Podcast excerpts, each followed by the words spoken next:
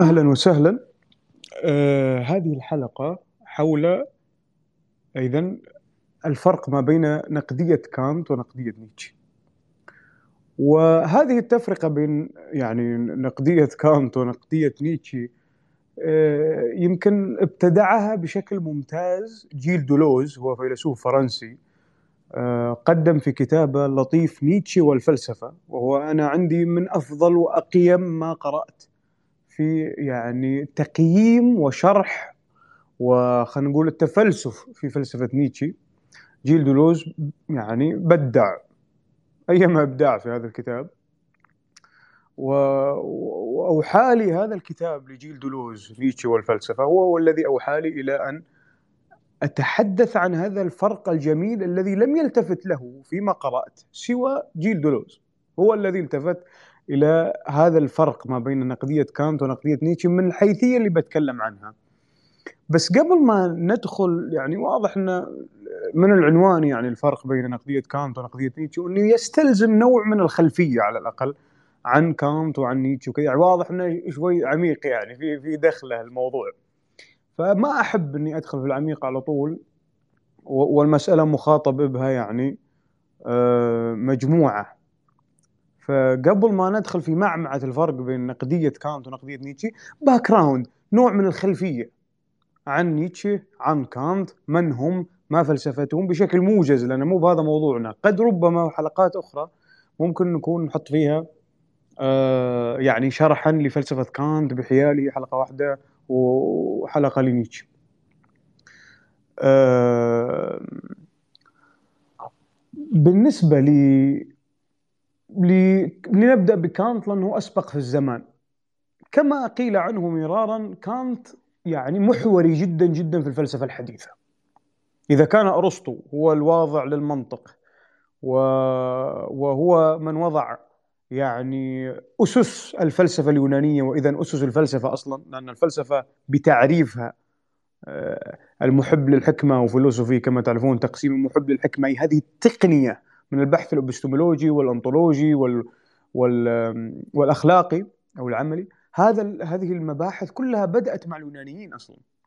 فنستطيع أن نؤرخ للفلسفة. أنا أنا صراحة أصف نفسي مع من يؤرخ للفلسفة بدءا باليونانيين ولا يعتبر الشعوب الأخرى السابقة على اليونانيين داخلين في الفلسفة. نعم فعلا. لأن ثمة فرق بين الحكمة والفلسفة. يعني هنا الشعوب كلها تمتلك حكمة طبعا. يعني ما في مثل حكمة الصينيين وحكمة الهنود مثلا إذا نتكلم في التاريخ. وبالتأكيد سنجد الكثير من الحكمة عند الحضارة المصرية والحضارة البابلية والحضارة السومرية. ثمة حكماء متى ما وجد متى ما وجد الإنسان بلا شك. ولكن الفلسفة قضية أخرى تماما. الفلسفة هي تقنية أو مصطلح أو طريقة علمية للوصول إلى الحقائق حتى مواضيعها نوعا ما قد تختلف أو تتفق مع الحكمة البشرية. آه، لذلك بدءا من الفلسفة تاريخها كان أرسطو هو الأساس ثم جاء كانت طبعا وأحدث كما يقول الباحثون ثورة كوبرنيكية. لماذا؟ لأنه تقريبا أنهى عصر الميتافيزيقا تماما. كل حديث عن الميتافيزيقا كل حديث عن الميتافيزيقا ما عاد مهما. لماذا لم يعد الحديث عن الميتافيزيقا مهما؟ عندما قام وهنا سنشرح في شرح كانت قبل البحث عن النقدية. كانت أهم حدث تكلم عنه في كتابه نقد عقل المحض في هذا الكتاب الماتع. أهم شيء هو التفرقة ما بين الشيء في ذاته والشيء كما يظهر لك.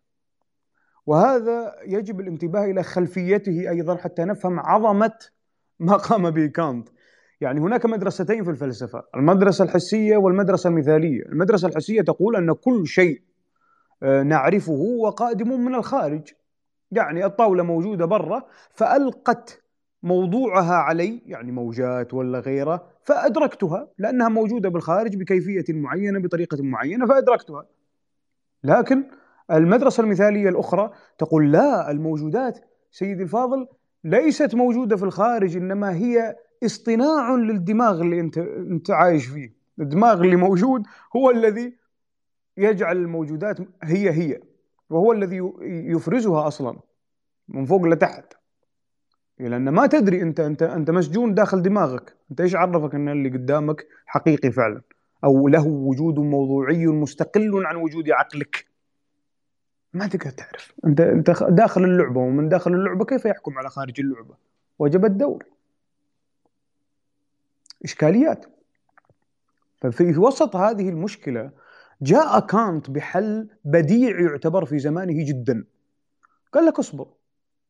نحن نتفق مع المدرسة المثالية أنه فعلا الأشياء آه، تتطبع وتتشكل بدماغنا. فعلا. فأقول بأنها مظاهر للشيء في ذاته. والشيء في ذاته هذا عشان يرضي المدرسة الحسية بس. يقول لك إيش؟ يعني لا هناك وجود موضوعي في الخارج ولكن لا نستطيع أن نعرفه لأن تشكله كيف يظهر لنا يكون عن طريق دماغنا عن طريق الحواس عن طريق ال... ومثال ذلك مثلا آه، الذبابة مثلا خلينا نفرض نضرب مثال بالذبابة، الذبابة بلا شك ان عندها سداسية العين، سداسية العين أي أن ترى الدنيا والوجود بشكل سداسي. بلا شك أن نظرة الذبابة غير نظرة الإنسان للدنيا والصرصور يشوف أبيض وأسود. فهذا ما يقصد كانت. يعني هذا طبعا للتبسيط المثال. أن هناك العالم كما هو في الخارج ولكن هناك آه، أن يدخل في آلية الدماغ حقك فتغير طبعا شكل الشيء ولونه وطريقة كيف يتمظهر لك أيها الإنسان. فأرضى كانت بطريقة عبقرية.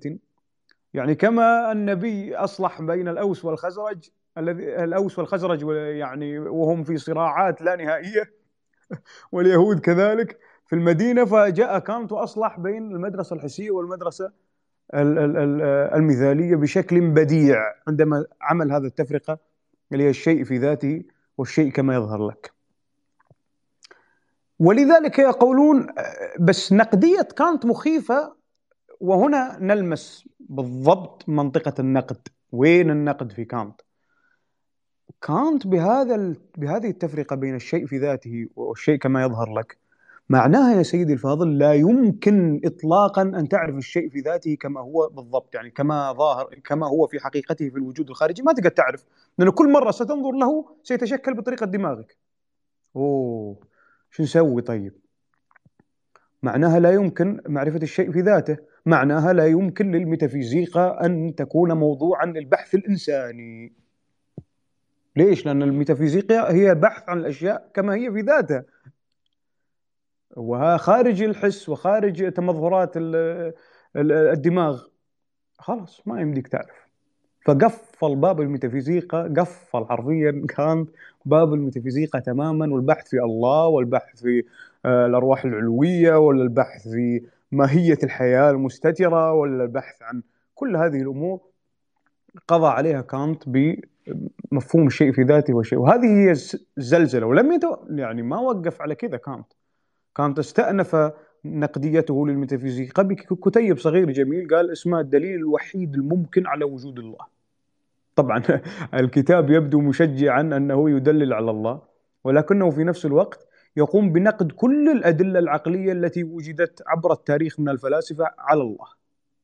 ثم أبقى دليل واحد هو الدليل العملي أي أن الله ضرورة أخلاقية لا ضرورة نظرية أو ضرورة عقلية بس ما نبي ندخل في تفصيل هذا لأن ما راح نخلصه ودخلنا فيه زي ما قلنا إحنا كانت يبي له شرح ربما يكون في آه، يعني حلقة ثانية ولا جلسة ثانية.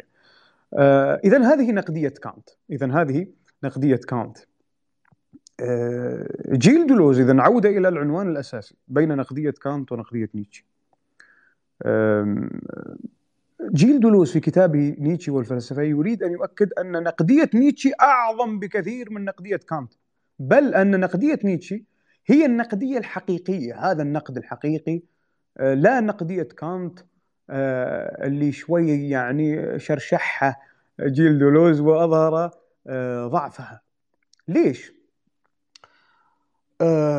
خلونا يعني خلونا نستخدم نيتشه شوي هنا. نيتشه قال كلمة مهمة قال كانت ليس إلا مسيحي مستتر.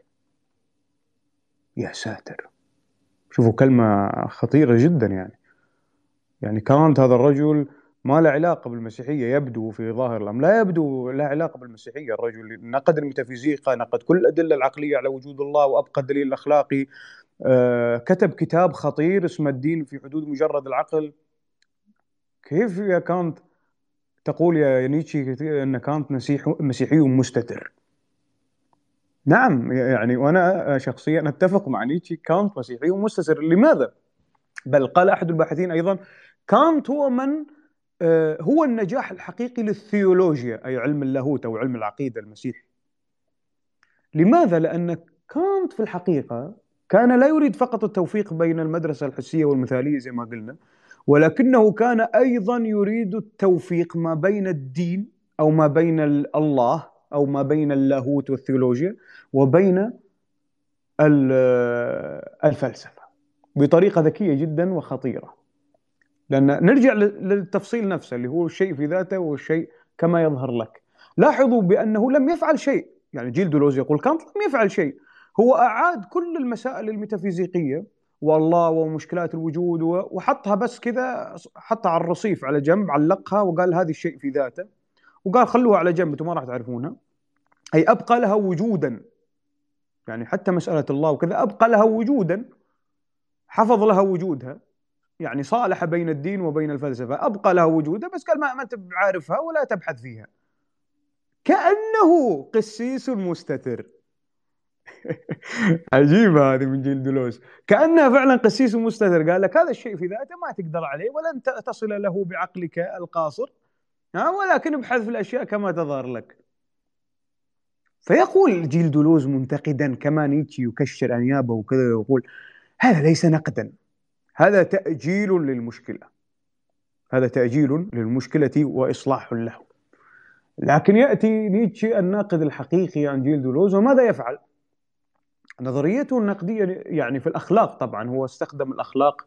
إذا استخدم كانت يعني الإبستمولوجيا ك ك يعني نظرية المعرفة كطريق للنقد فنيتشه استخدم الأخلاق. كطريق للنقد. فقال نيتشه أنا لا أنقد آه، يعني مثل كانت آه، الحقيقة كما تظهر أو الحقيقة في ذاتها أنا أنقد الحقيقة في ذاتها. أنا أنقد هذه النزعة في الإنسان أن أن يرى الأشياء كما هي عليه. أنا عندي مشكلة مع هذا. ما المشكلة في الزيف؟ أو اولا كيف تعرف الزيف من الحقيقة أصلا؟ عنده تشكيك. نيتشه في هذا ويرى النسبيه نوعا ما في الحقيقة والزيف ويرى أن الأدب و و والمنتوج الفني والمسرحي ما هو إلا زيف. ولكنه ويا للعجب التراجيديا والدراما فيها قدر هائل من الحقيقة مع أنها كلها زيف. فكأن هذا البحث الفني مقدمة للمقدمة الفلسفية اللي بيقدمها نيتشه حول يعني صعوبة التفرقة بين الحقيقة والزيف أو أو أو ذلك الفصل الحاد الأرسطي بين الحقيقة والزيف. أضف لذلك المبحث الأخلاقي. يعني لما يقول نيتشه الأخلاق آه، بيد السادة والعبيد. تعرفون نظرية السادة والعبيد. والسادة والعبيد ليس كما يظن يعني انه إنه سادة. وس... لا تتخيل التصور السياسي إن سليفز عبيد قاعدين يخدمون سادة ملوك أو أرستقراطيين. لا لا ابدا. ليس هذا مقصد نيتشه ابدا. مقصده بالسادة والعبيد أي السادة الذين يوفرون في كل تاريخ وفي كل جيل للأجيال القيم. دائما في كل مجتمع هناك مثقفون هناك مفكرون هناك ساسة هناك مجموعة من من الناس اللي عندهم اليد العليا سواء ثقافيا سواء فعلا actually is power ناس يعني عموما هؤلاء الذين لهم سلطة ما ولو سلطة ثقافية. هؤلاء السادة أي الذين يخلقون القيم الاجتماعية للناس عموما. والعبيد هم الذين لا ما عندهم هذه آه، الأمور ومنغلقين على نفسهم أو إنهم receiving يعني هم بس يستقبلون مجرد استقبال. وليس لديهم الجرأة إذا أن يكونوا عندهم إرادة الاقتدار يعني أنهم يحققوا ذواتهم. بل رضوا أنهم لا يحققوا ذواتهم وأن يتبعوا. دائما هناك فصلان من الإنسان خالق يعني للقيم وصانع ومبدع ومتبع. حتى في الإطار الأكاديمي هناك الفيلسوف وهناك من يخدمه. يعني ما يقولونهم طبعا إحنا قاعدين نخدمك ما عاد بيقول لك بس يعني هذا الحاصل. يجي فيلسوف ثم يسوون رسائل دكتوراه لا نهائية عنه. ولم يفعل شيء هذا الأكاديمي سوى خدمة هذا الفيلسوف أو تتبع أثره. فاذا بهذا المعنى يعني ما هو بالمعنى السيء يعني سادة وعبيد وكذا. فإذا من هنا ماذا يقصد نيتشه؟ نيتشه لماذا لماذا يعتبر نيتشه هو مؤسس ما بعد الحداثة؟ لماذا يعتبر أنه يعني سوى شيء خطير في مسألة الأخلاق وفي مسألة الأمور؟ للسبب الآتي الآن أنه قال يا جماعة الخير الأخلاق أصلا ما هي ما في معايير أخلاقية كما أنتم كنتم تظنون، يعني المسيحية كانت تقول الضمير الضمير أنت اسأل ضميرك ومو بس المسيحية حقيقة كثير من الأديان الإبراهيمية والمخيال الشرق القرون الوسطى عموما كان كذا. اسأل ضميرك تعرف ضميرك يقول لك القتل غلط اذا القتل غلط. بس نيتشي يعني يسأل سؤال أعظم يقول لك تعال أنت ما أدراك أن هذا الصوت الذي في الضمير صحيح؟ سؤال جيد فيرد عليك المسيحي وكذا يقول لك لا يعني خلاص الضمير هذا فطرة و... واستمع له جيدا ولن يهدي يعني ولن يضلك ولن يضلك ولن تضلك هذه الفطرة. وكأن الطبيعة ليس فيها فطرة فطر شاذة وغرائز غريبة و... فيقول نيتشه لا أنا أدعي بأن الضمير هو جهاز اخترعته البشرية. يعني في كل مجتمع ثم تنوع من القيم هو الذي يصنع الضمير الذي فيك. هو الصوت الذي داخلك هذا هو صوت المجتمع هو صوت القيم اللي أنت تربيت عليها. فتقول لا أشعر بالذنب. وأنت تظن أن هذا يعني غريزة علوية. لا هو صرخة اجتماعية قاعدة تظهر فيك في قلبك. آه، أعلى من كذا نيتشه يذهب بالنقد إلى أعلى من ذلك ويقول لك الأخلاق إذا هي صناعة جيل أو سادة أو أو أصحاب سلطة ثقافية زي ما قلنا في فترة زمنية معينة. وأسسوا الأخلاق في فترة معينة. إذا الأخلاق نسبية بمعنى أنها تصنع صنعا وتختلف باختلاف الزمان والمجتمعات. نعم يشبه هذا كثيرا النسبية الأخلاقية وهي نسبية أخلاقية ولكن نيتشه نوع خاص من النسبية الأخلاقية. يعني أعمق من أنك تقول يلا نسبية أخلاقية ومشينا. لا أعمق. لأنها صناعة السادة زي ما قلنا للأخلاق. آه إذا هذا الذي يريد أن يقوله جيل دلوز أن نقدية نيتشه حقيقية. لقد ذهبت إلى الأخلاق نفسها ونقدتها تماما من فوق تحت وقالت لك أصلا ما في شيء اسمه أخلاق. القيم غير موجودة في معلقة في السماء كذا تروح لها يا سيدي الفاضل وتحصلها. لا إنما الأخلاق والقيم تصنع صنعا وتوضع وضعا. فمثلا نضرب مثالا طيب يحبه نيتشه. انتبهوا في الفرق بين العصر الروماني قبل المسيحية يعني عند اليونانيين وكذا وبعد المسيحية. اليونانيين كانوا ناس مقبلين على الحياة شراب ونكاح وجميع أنواع الأنكحة و ويعني آه، والحياة زي الفل يعني ولا عندهم مفاهيم كثيرة زي التواضع والتمسكن والزهد غير موجود في في في, في الثقافة اليونانية بل حقيقة في جميع الأديان الوثنية لا يمكنك أن تجد كثير من من أخلاق الزهد وأخلاق بالعكس الأديان الوثنية أديان تحث على الحياة. ومن شاهد منكم مثلا آه، ال Vikings مثلا مسلسل ال Vikings اللطيف بالمناسبة ما كملت المسلسل الرابع والخامس منه يعني سيء سيء صراحة يعني حلبوه حلب. ولكن مسلسل ال Vikings يبين لكم يعني هذا قطعة ال Vikings هم جماعة من آه، من الوثنيين في الدول الإسكندنافية في الشمال نعم شوفوا كيف يعني هذا المسلسل تصوير جيد للديانة الوثنية. آه هذه هي الديانات الوثنية. ثم جاءت المسيحية وهنا يكره جدا طبعا معروف نيتشه يكره جدا المسيحية، يقول بدأنا عصور الانحطاط منذ أن جاءت المسيحية. لماذا؟ لأن فجأة تغيرت الأخلاق. تغيرت الأخلاق من الحظ على الطعام والشراب والحياة وكذا إلى الانكسار المسيحي والتواضع الشديد وما يصلح وأنا أنا معذب وفداني المسيح وأنا مذنب أساسا يدخل يدخل في مسكنة مرعبة المسيحي يدخل في مسكنة غير طبيعية وتدمير للذات إدانة للذات حتى يصل بعض القساوسة إلى جلد الذات.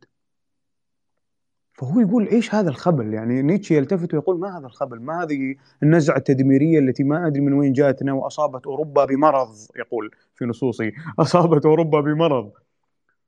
آه، فهذا الاختلاف في, في, في, في, في الأخلاق اللي صار الهائل من, من أخلاق المحارب خلينا نقول إلى أخلاق الزاهد من أخلاق المقدم الشجاع إلى المتمسكن الضعيف المدان. هذا الذي يزعج نيتشه ويراها هي أخلاق العدمية وأخلاق آه، إنكار الحياة وإنكار الذات. آه، هذا بالنسبة لنيتشه طبعا تعرفون إني أنا لست نيتشويا ويمكن على العكس تماما ولكن نحن نشرح الآن فلسفة نيتشه. فنيتشه يشوف إن هذا امتداد ل لإنكار الذات وإنكار الحياة.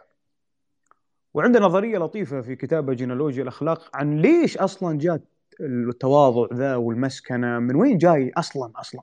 قبل المسيحية وكذا أي لماذا موجود في الإنسان أصلا؟ هذا الشعور بال بال بال بالتمسكن وبال وبال ويعني وبالزهد وكذا. يراها أن الإنسان كان صيادا أول ومنطلق في البرية ما عنده مشكلة و... وأي رغبة عنده يسويها.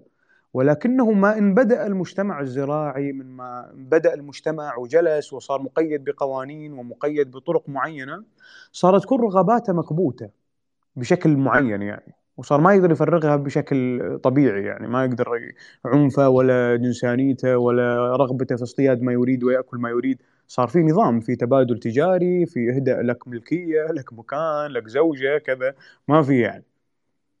فلما صار هذا التحول يرى نيتشه في جينولوجيا الأخلاق أنه عندما حدث هذا التحول أصبحت رغبات الإنسان تأكل الإنسان من الداخل. صارت بدل ما تخرج من الطاقة لا تفنى ولا تستحدث من عدم. وهذه نفهمها أيضا في فرويد من الناحيه السيكولوجية أكثر. فيرى نيتشه إنه ترجع هذه الطاقة بدل ما تطلع برا لأنها مكبوتة ترجع تدمر الإنسان من الداخل. فتبزغ إرادة العدمية وإنكار الحياة وإنكار الذات وكل هذه الأمور فتظهر فيظهر الزهد ويظهر التمسكن المسيحي وقبله يعني قبل المسيحية. يظهر هذا كنوع من البطولة الزائفة عند عند عند نيتشه طبعا. ما أتفق معه في هذا ولكن نظرية لطيفة يعني صراحة نظرية لطيفة في جينولوجيا الإخلاق. لكن الشاهد أن هذه هي نقدية نيتشه الحقيقية التي أعملها ليست عادية. نقدية نيتشه ليست عادية قلب الدنيا فوق تحت. يعني كما قلنا الأخلاق أصلا يعني كانت أبقى على الأخلاق. ما سوى شيء ترى كانت في الأخلاق. اللهم أعطاك صيغة أخلاقية. قال لك العقل الأخلاق بالعقل. أنت شوف الفعل الأخلاقي. إذا تبي تعرف شيء أخلاقي ولا غير أخلاقي كيف تعرف؟ قال لك خذ الفعل وعمم على الناس. يعني مثلا خلينا نشوف فعل السرقة. يلا تخيل كل الناس يسرقون. ما الذي سيحدث؟ ستنتفي سينتفي مفهوم الملكية. ما في شيء اسمه ملكية بين الناس. يعني إذا فلان ألف سرق باء وباء سرق جيم وبعدين جيم جاء سرق باء. ما هو باء أصلا مسروق وسارق وجيم سارق ومسروق فانتهى ما في ملكية الناس ما صارت تملك شيء. يعني انتفى مفهوم كامل من الوجود. سوى تناقض سوى تناقض في الوجود وفي العقل. فمن هذه الناحية الباردة الجافة الميكانيكية يقول بالحسن والقبح الأخلاقي كانت. هذا من جهة. من جهة ثانية إنه لما تعمم فعلا الفعل على على البشرية بيفسد الوضع. يعني تخيل الناس كلهم يسرقون. انتهى. ما الدنيا فوضى انتهى. المجتمع الإنساني انتهى. فخذ أي فعل أنت محتار فيه اخلاقيا يقول لك كانت وجرب تعممه على طول. هذا طريق هذا مفتاحي هذا سري. في ان تعرف الفعل أخلاقي أو لا متى ما انت كبت خذ وعمم. وشوف شو يصير في السيناريو هذا. فما سوى شيء حقيقة كانت عند التأمل. طبعا صيغة عبقرية أنا ترى هذه عبقرية جدا الأسلوب العقلي هذا في استدلال الأخلاق. في مشاكل طبعا وكذا ممكن ترجعوا له في مقدمة في علم الأخلاق من منشورات معنا بالمناسبة. كتاب ممتاز جدا في علم الأخلاق. يأتي بالنظرية الأخلاقية ونقدها. بتشوفون نقد نظرية كانت هناك وشرحها. آه، جميلة هذه الفكرة ولكن إشكالية كانت أنه يعني لو تلاحظون استدل فقط على الأخلاق الدينية على الأخلاق اللاهوتية على الأخلاق الموجودة. ما عادي يعني أسسها مرة ثانية وأعطاها بس لباسا جديدا أعطاها لباسا جديدا. لكن نيتشه هو الذي أحدث الانقلاب الحقيقي وقال لك يا حبيبي أنت أصلا القيمة الأخلاقية ما هي موجودة في الواقع. إنما هي آه، تأتي من من, من الناس الذين يخلقون القيم الذين هم عندهم إرادة شديدة. عندهم هذا الإبداع هذه البطولة هذه هذه هذه الشخصية الاستثنائية اللي تؤثر على الناس الثانيين وتخلق قيمهم. وهذا لعمري لعمري يعني فعلا هذا يظهر عند الأنبياء. يعني نستطيع أن نستانس بمثال الأنبياء صراحة في في هذه الفكرة بغض النظر اتفقنا أو اختلفنا مع نيتشه.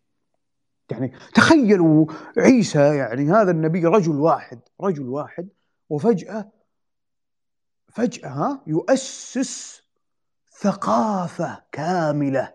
مليارين إنسان. تعرفون ما معنى ثقافة كاملة؟ يعني إيش ألبس؟ يعني سروالي الداخلي حتى توصل إيش ألبس؟ كيف أسمي وقت الطعام؟ كيف أدفن موتاي وأحبابي؟ كيف أتزوج حبيبة عمري؟ أنتم متخيلين رجل واحد قاعد سوى كذا؟